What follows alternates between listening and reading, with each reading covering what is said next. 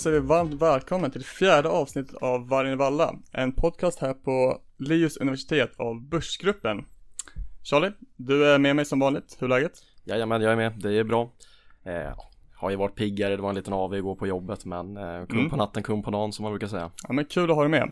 Och eh, dagen till ära har vi även en gäst, David Bagge, varmt välkommen. Tackar, tackar. Kul att vara här. Hur är läget? Jo, det är bra tack. Mm. Var länge sedan man var i, i det här styrelserummet. Ja, du är gammal BG-are. Ja, ordförande 2007 och eh, 2008. Så att få två pass. Mm.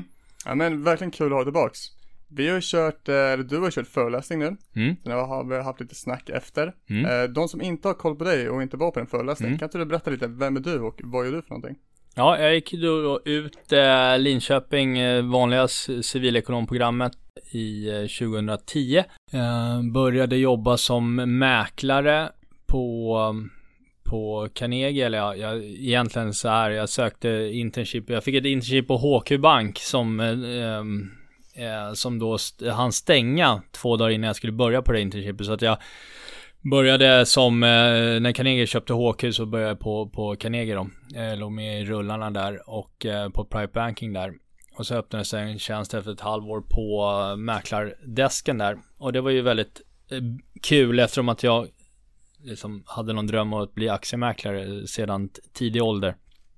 Eh, så jobbade där i fem år, eh, fantastisk arbetsplats, eh, otroligt härliga kollegor, eh, jätteroliga kunder eh, många liksom profiler kan man säga i, i, i Sverige som man pratade med. Och eh, sen jobbade jag ett, sista tre åren, nästan tre åren på Nordea på institutionell aktiehandel som mäklare och även då på även privatsidan en sväng på Nordea också sista året som någon form av ja, affärschef kan man säga. Det fanns ett aktiebord i eh, Göteborg, ett i Malmö och ett i Stockholm. Och eh, jag som då kom från institutionella sidan hade jobbat där i två år. Eh, sydde liksom, försökte sy ihop affären från de här privatdeskarna till mot institutioner och liksom lappa lite större flöden. Eh, för det ska man komma ihåg, det finns ju väldigt mycket förmögna privatpersoner eller kanske framförallt deras bolag och sådär som äger betydande aktieposter i, i väldigt många bolag. Eh, framförallt typ small mid cap och sådär.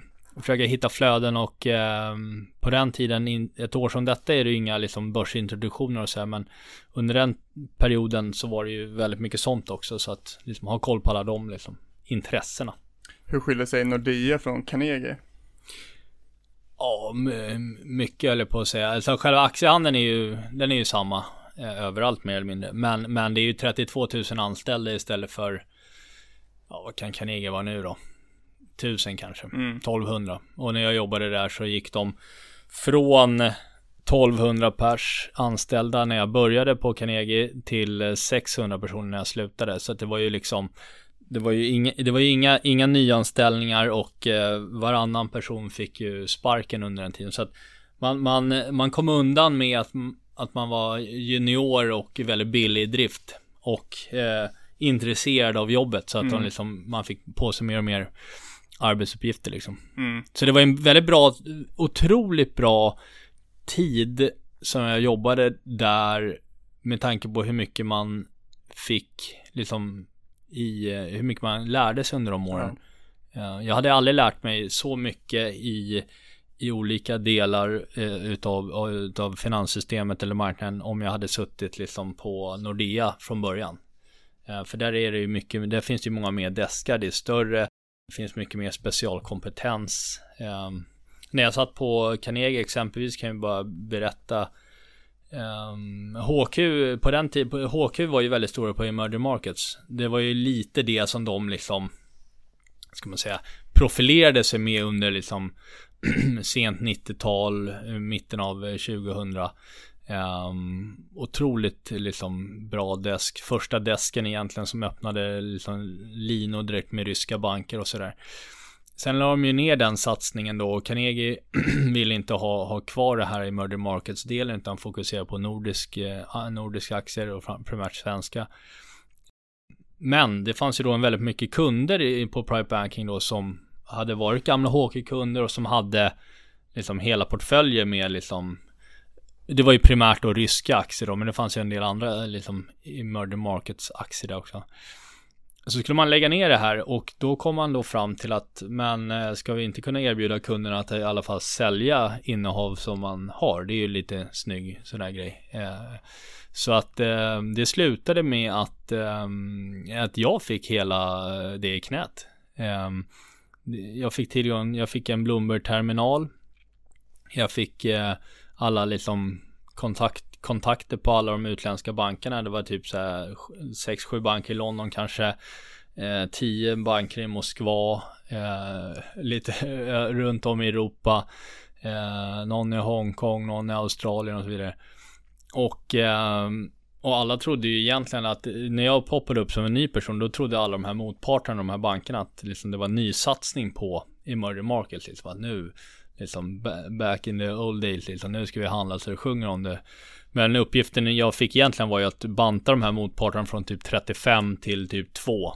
Och sen eh, facilitera kunderna när de vill sälja liksom. Så att det blev liksom inte det blev inte sånt drag där. Men, men det roliga var att man fick ju eh, mycket kontakter i London och i Moskva så här som, som eh, man satt och snackade mycket med dem på chattarna liksom och fick mycket liksom bra utbyten däremellan. Hur skiljer sig kunderna rent generellt mellan liksom ryska och brittiska? Eh, det, det, ryska, alltså nu är väl ryska marknaden stängd mer eller mindre. Ja. Eh, helt och hållet. Det, det, eh, så är det nu. Eh, så att man ska vara glad. Jag tror Carnegie, eller om HQ hade funnits kvar, skulle de vara glada att det liksom, att, eh, att de la ner emerging market-desken innan, innan det här med, med Ukraina-kriget. Um, nej men eh, ryska marknaden är lite svår för att det, det är um, otroligt mycket bolag. Eh, alltså alla de här stora, det är framförallt de här stora oljebolagen och så har du en del gasbolag. Och sen har du typ så Sperbank, lite olika stora banker. Och sen så har ju många av de här liksom utility kraftbolagen har ju liksom från att kunderna kanske från början köpte en aktie så har de liksom delat upp ut liksom eh, aktier då i massor av mindre bolag. Så att vi hade ju kunder som kanske från början hade köpt du vet, fem ryska aktier. Och sen efter det sju år så liksom, du vet, med, med, med alla utdelningar olika, så satt de kanske med 45 aktier mm. eller 50. Med olika kryptiska namn som man liksom inte hade en aning om vad det var. Så att det var ju rätt mycket sådana här bolag man fick börja liksom kika på vad det överhuvudtaget var för någonting liksom. Um, så att den, den, den, den, nu vet jag inte, höll på att säga, ryska börsen den finns ju kvar men, men det är ju inga utlänningar som handlar där längre. Nej. Idag driver du eget, eh, ja. Barrel Asset Management. Mm. Eh, vad gör du där? Ja det är en, en ja, det är vanligt svenskt aktiebolag egentligen. Eh, där vi, vi har ett moderbolag i toppen. Som äger eh, majoriteten av aktierna i bolaget och sen så um, har vi då eh, förvaltar vi egentligen moderbol en del av moderbolagets pengar via, via vårt bolag då. Eh, jag har hand om aktiedelen. Det är primärt liksom, det blir ju, man blir ju ofta hemmablind. Det blir primärt svenska aktier, men stund, i vissa, vissa tider så är man ju inne och petar lite i Norge och Danmark och Finland och så, men då är det ofta liksom usual names liksom. Mm. Fortum, Wärtsilä eller några av de här. Vi, vi kör ESG så att hela Norge är ju typ olja, men det finns ju en del bolag där som inte, som inte är det, men och i, i Danmark är det också det, men det är ju framförallt läkemedel och mm. um, typ Novo Nordisk och de här. Laxaktier har vi tänkt om. Ja, just det. Ja, de åkte ju på lite stryk här, här ja, veckan med på skatten. Ja, ja. Vad är din take på den? Jag tror man inte hade massa sånt. Nej, jag har inte satt mig in i det sådär mycket, men, men, men det verkar ju som att det blir en ganska ganska tuff eh, skattesmäll för dem. 62% effektiv skatt. Den är rätt tuff. Den är inte så rolig att få här. Nej, det blir svårt att dryga ut marginaler med den skatten. Ja. Men hur ser det ut eh, ja, det är väl en eh, blandfond där. Hur, hur ser det ut? Är det 50-50 aktier och företagsobligationer eller? Ja, kollegan kör då primärt svenska, det ligger väl några, det är många svenska bolag som noterar obligationer i typ euro och så också då. I euromarknaden. Eh, så att, men det är väl primärt svenska bolag kan man väl säga i alla fall. Och sen har ju vissa då, vissa är i dollar och vissa är i euro och sådär. Men Förvaltningen som helhet egentligen är ju i, grund, grundbulten är egentligen 50% företagsobligationer. Fokus där är ju inte på den liksom minst liksom gildande. Eh, nu har ju för sig yielden kommit upp ordentligt så nu har du även liksom investment grade bolag som liksom kanske gillar 6% liksom. Men vi kör en del mer, mer high yield liksom runt, runt 10% eh, Något sånt ska jag nog tro att det är. I alla fall nu för när yielden har petats upp. eh, och sen kör jag då aktiedelen och så har vi en, en, liksom en derivat ja, bok eller vad man ska kalla det, men ett, ett overlay tillsammans då, om vi tar ett, typ ett riktningsbett på typ S&P eller om man lägger på en hedge mot OMX eller om man liksom beroende lite vad man tror om, om marknaden liksom. Um, Som jag förstår det så jobbar ni mycket tekniskt. Ja, jag gör ju det på, kollegan gör ju inte det, utan han är ju mer, eh, alltså för, det är mer, när man handlar i, i corporate bondmarknaden, då är det ju mer att Eh, Eh, köpa bolag. Och det, det, det kan ju vara bolag som ger en bra eh, Speciellt i det här klimatet är ju faktiskt, vi tycker ju faktiskt räntesidan är egentligen mer attraktiv kanske än aktiesidan eh, som det ser ut nu. För att givet att inte massor med bolag går i konkurs då, så får det ändå liksom tickar in så här mellan 8 och 10% per år i kuponger.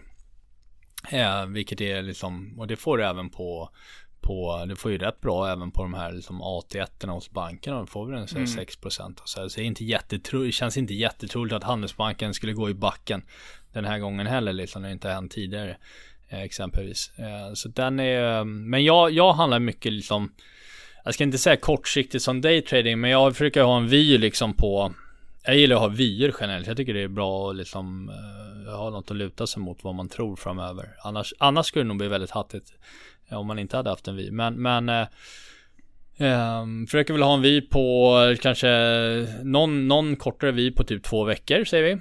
Och sen så här, vad man tror på tre månader och sen vad man tror på ett halvår. Typ mm. så. Liksom.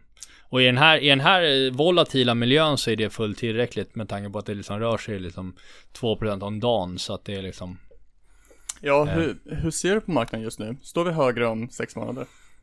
Nej, inte om sex månader tror jag inte. Men jag tror vi kan stå högre om eh, tre månader. Vissa som, som handlar enbart liksom teknisk analys, de tittar ju bara på grafen. Liksom. Mm. Jag väger ju in mycket med sentiment, positionering generellt i marknaden, försöker ha lite mer liksom bredare, titta en del på, en hel, en hel del på liksom global makro med liksom långräntorna, dollarn och sådär liksom. För det styr väldigt mycket flöden generellt. Framförallt med olika förvaltningsstilar liksom.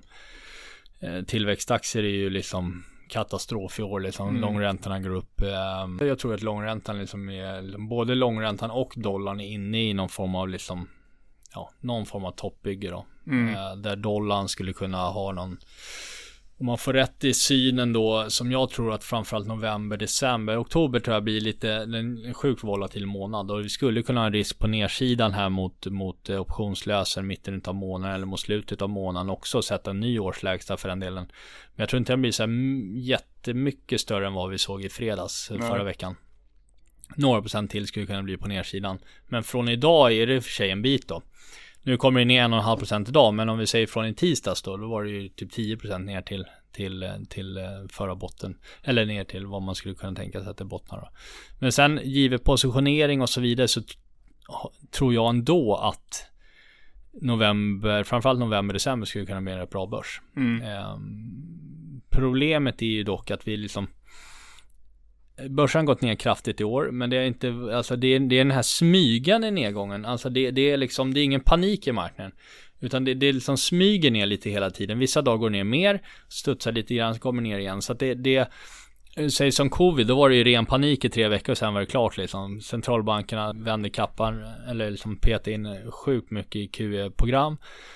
Och börserna gick upp liksom 120% på, på 18 månader. Eh, det gjorde ju också att folk tyckte det här med aktier verkar vara väldigt enkelt. Mm. Man kunde köpa vad man ville.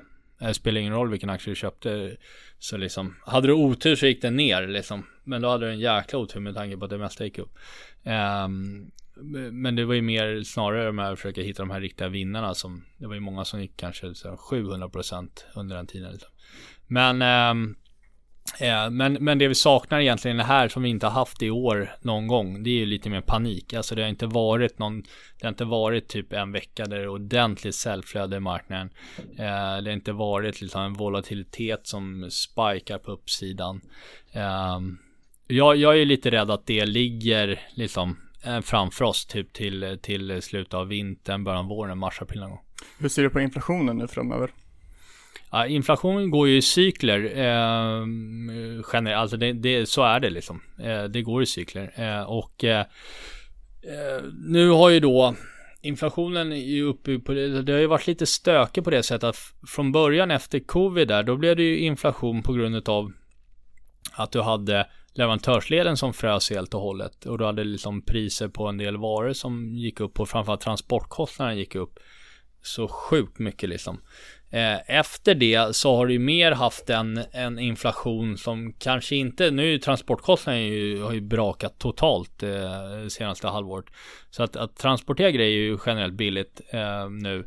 Eh, mot vad det var i alla fall. Och, eh, men du har ju, du har ju den andra delen liksom med med eh, dels, dels hade du den stora kicken för inflationen i år eh, som gjorde att den, den var ju på uppåtgående. Men när du fick ut, krigsutbrottet i Ukraina eh, så fick du ju en, en väldig utbudschock i, i systemet liksom. Eh, både vad gäller då olja, men, men Ukraina är väldigt svårt på spannmål exempelvis. Mm. Eh, så att du fick en helt annan liksom eh, prissättning på mat och grödor och sådär. Eh, så det är det vi tampas med nu. Eh, sen tror jag liksom att det där det där har en tendens att ändå rätta till sig på sikt eh, med tanke på att eh, efterfrågan har en tendens att ge vika då när priserna blir för dyra. Så det blir någon form av nytt jämviktspris och sen går priserna neråt igen då. Ehm, och det, det tror jag kommer. Frågan är nog liksom vart det planar ut. Mm. Men nu är inflationen i USA runt 8,5 procent. Fed, eller som alla andra centralbanker, ett mål på 2 procent. Ehm, det kanske inte liksom ska ner till 2% under nästa år. Vi kanske liksom har något jämvikts kring 4. Mm. Så det kommer fortfarande, och skulle det ske eh, så, så har det fortfarande liksom, du kommer inte se några stora räntesänkningar eh, från, från, från centralbanken i så fall. Eh, däremot så kan man ju säga så här att det här 2% målet Eh, som alla centralbanker har haft de senaste typ eh, 20 åren eller något sånt. Eh, det kommer ju egentligen från Nya Zeeland eh, när eh, om man läser på om det lite så kommer ju det från när den finans ja, Riksbanken Nya Zeeland då, eh, när han fick frågan på en presskonferens här, liksom, ja, men vad, vad är ett långsiktigt, liksom, vad, vad ska ett inflationsmål vara? Då sa han, ja men kanske 2%, mm. 2-3% och sen så kom de fram till, ja men vi säger 2%. Eh, och sen har ju alla andra centralbanker i väst tagit liksom, ja men de är 2% ja men det verkar vara det. Så det är ju det, nu är det vedertaget att det är det. Bara tagit efter egentligen. Eh, ja lite och det är väl, det är väl kanske rimligt att ha det då. Men, men, men vad är egentligen, alltså vad är det som säger att det inte kan vara 3 då? Alltså mm. egentligen. Jag, jag tror inte att Fed kommer ändra inflationsmålet. Men det vore en ganska enkel grej för Fed att göra. Säg till våren här. Nu spekulerar vi vilt här på fredag eftermiddag. Men säg att det blir riktig risk-off i börserna liksom. Eh, till eh, antingen direkt härifrån, men jag skulle inte tro det med tanke på hur det ser ut positioneringsmässigt. Men säg att börsen under Q1 viker liksom, det studsar 10% härifrån fram till nyår och sen viker den liksom 25% till. Eh, och inflationen fortfarande är typ 4%, säg 4-5. Då kommer ju Fed känna liksom att fan vi, vi vill ju ha till en mjuklandning liksom. Det här håller ju på att gå riktigt liksom. Vi ju liksom, då snackar vi liksom inte ens recession. Då kommer vi snacka om depression liksom. Eh, I ett sånt läge så kommer ju Fed eh, garanterat eh, blåsa på med QE igen liksom. Nu håller mm. man ju mm. på att försöka banta balansräkningen trodde man ju absolut inte skulle gå överhuvudtaget redan från början och det har ju visat sig liksom att det gick ju inte liksom den här gången heller. Eh, men, men de kommer ju vända kappan när det blir riktigt grisigt på marknaden. Frågan är liksom vart någonstans det sker.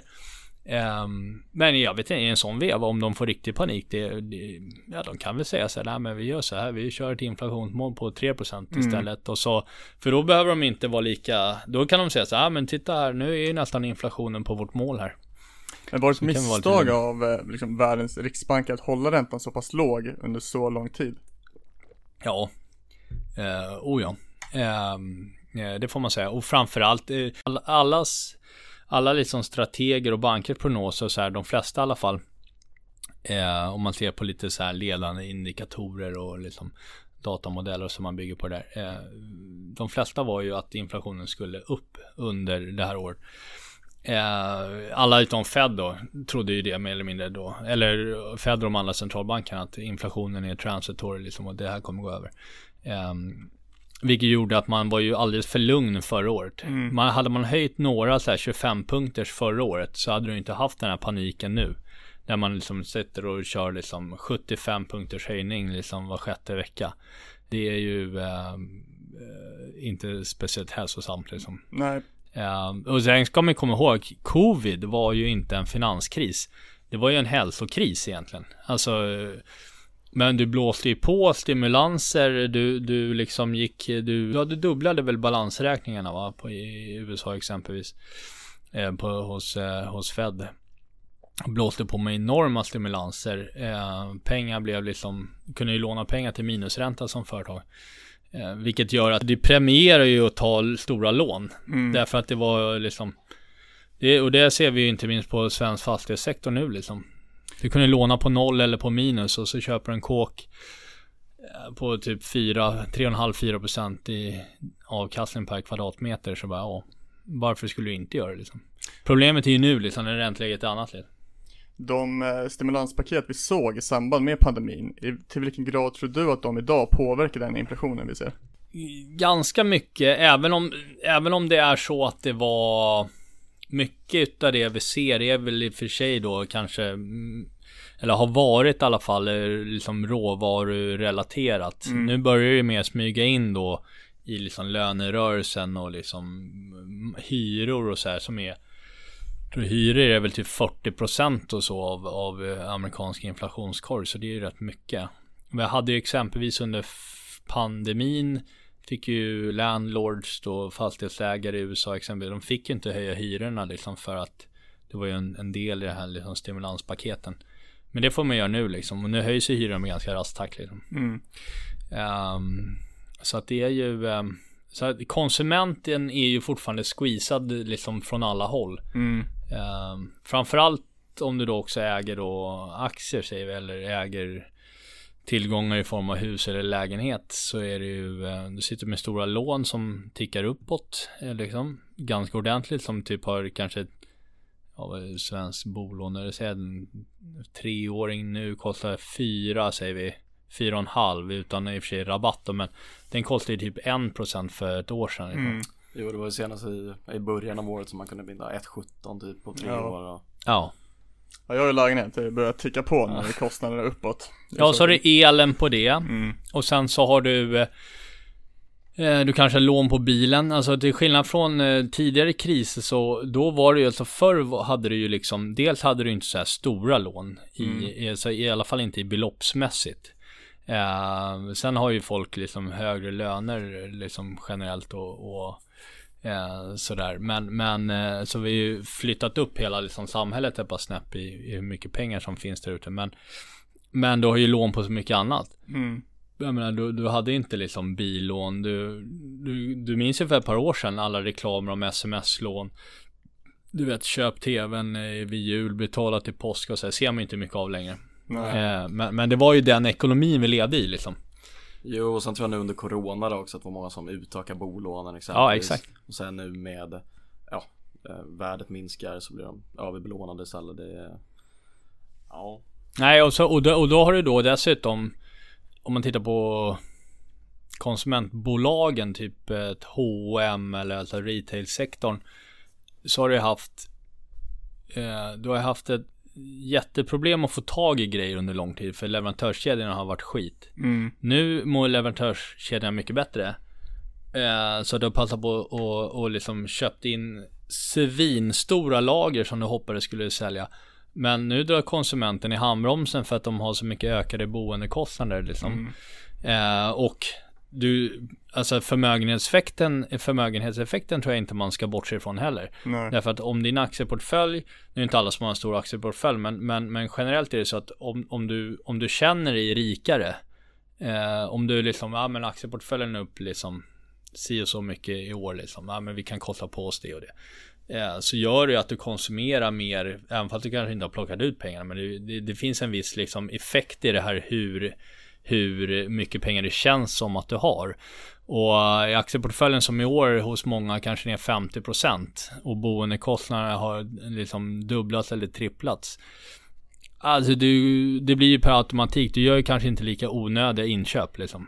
Nej, man Eh, håller pengarna lite mer egentligen. Ja, och så, och så då, då, jag menar H&M's varulager nu är 55 miljarder liksom. Det är, det är, det är större än eh, liksom Trelleborg-koncernen exempelvis. Mm.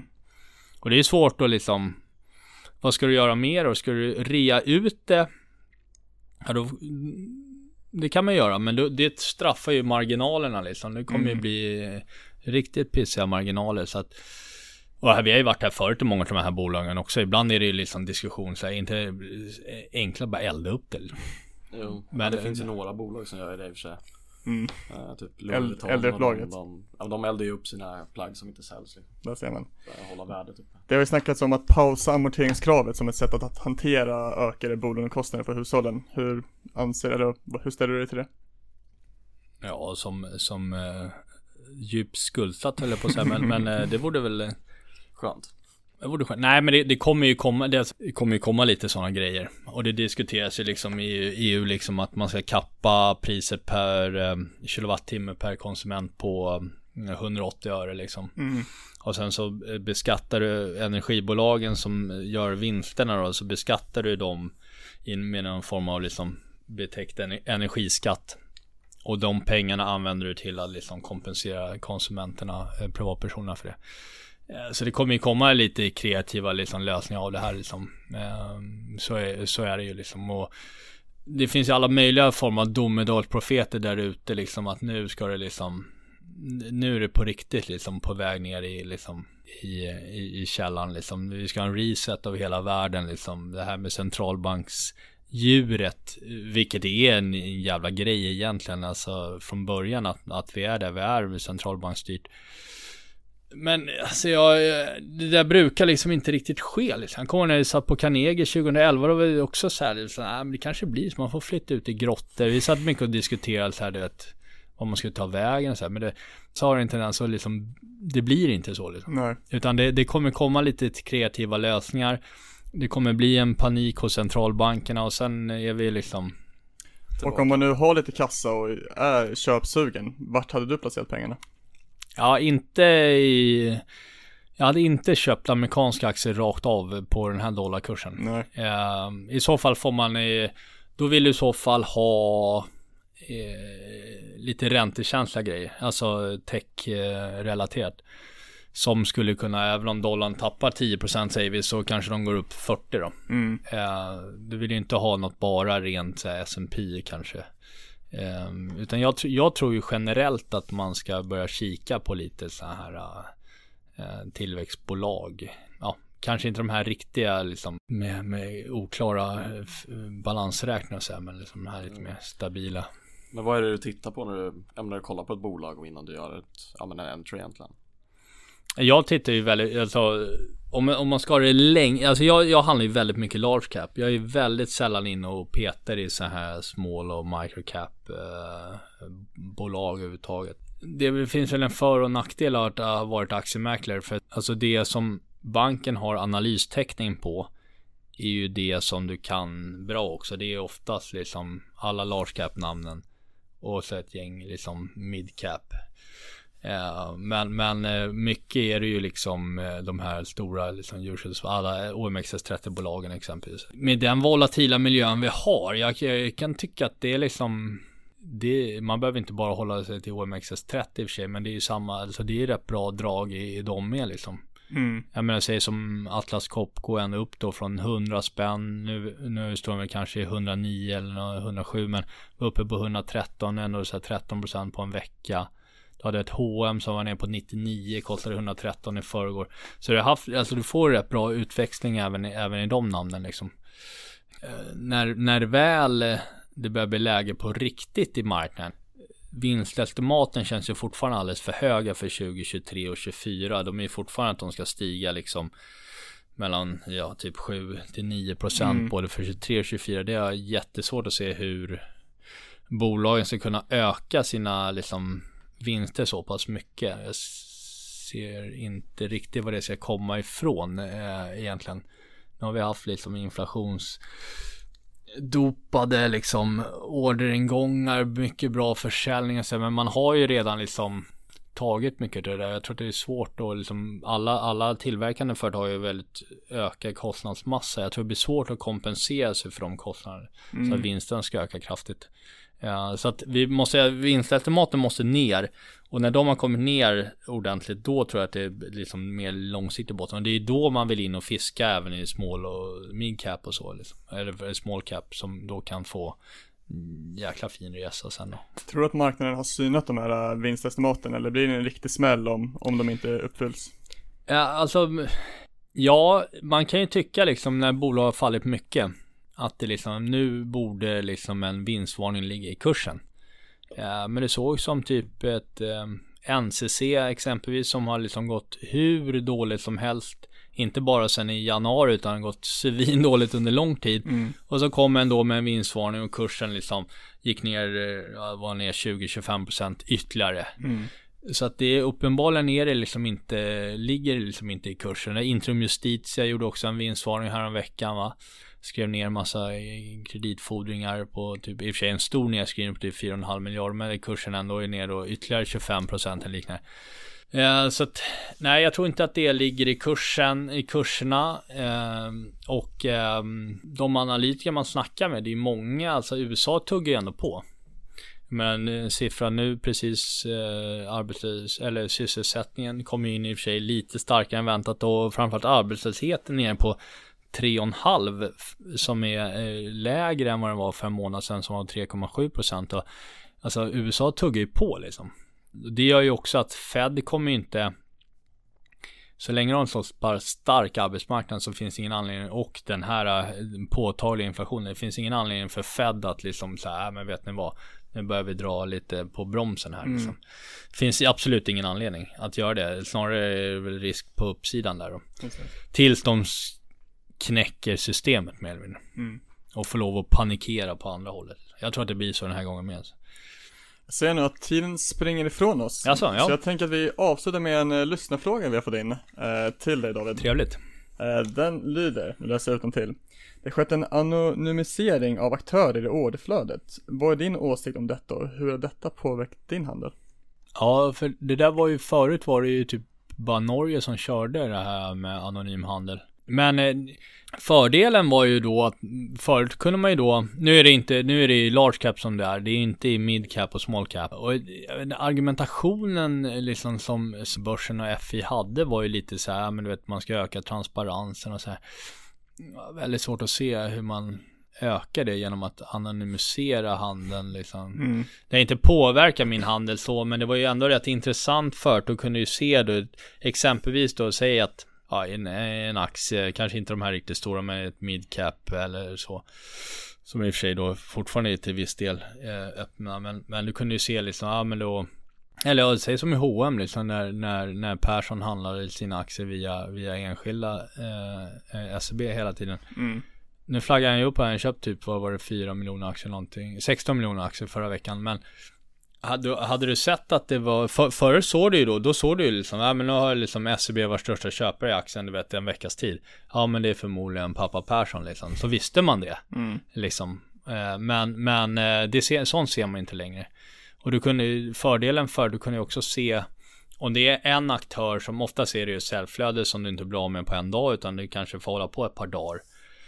Om den aktören då, du vet efter typ fyra dagar försvinner, då kan man ju liksom anta, ja men då är han klar. Mm. Liksom. Och då kanske, och framförallt om kursen har pressats under den tiden.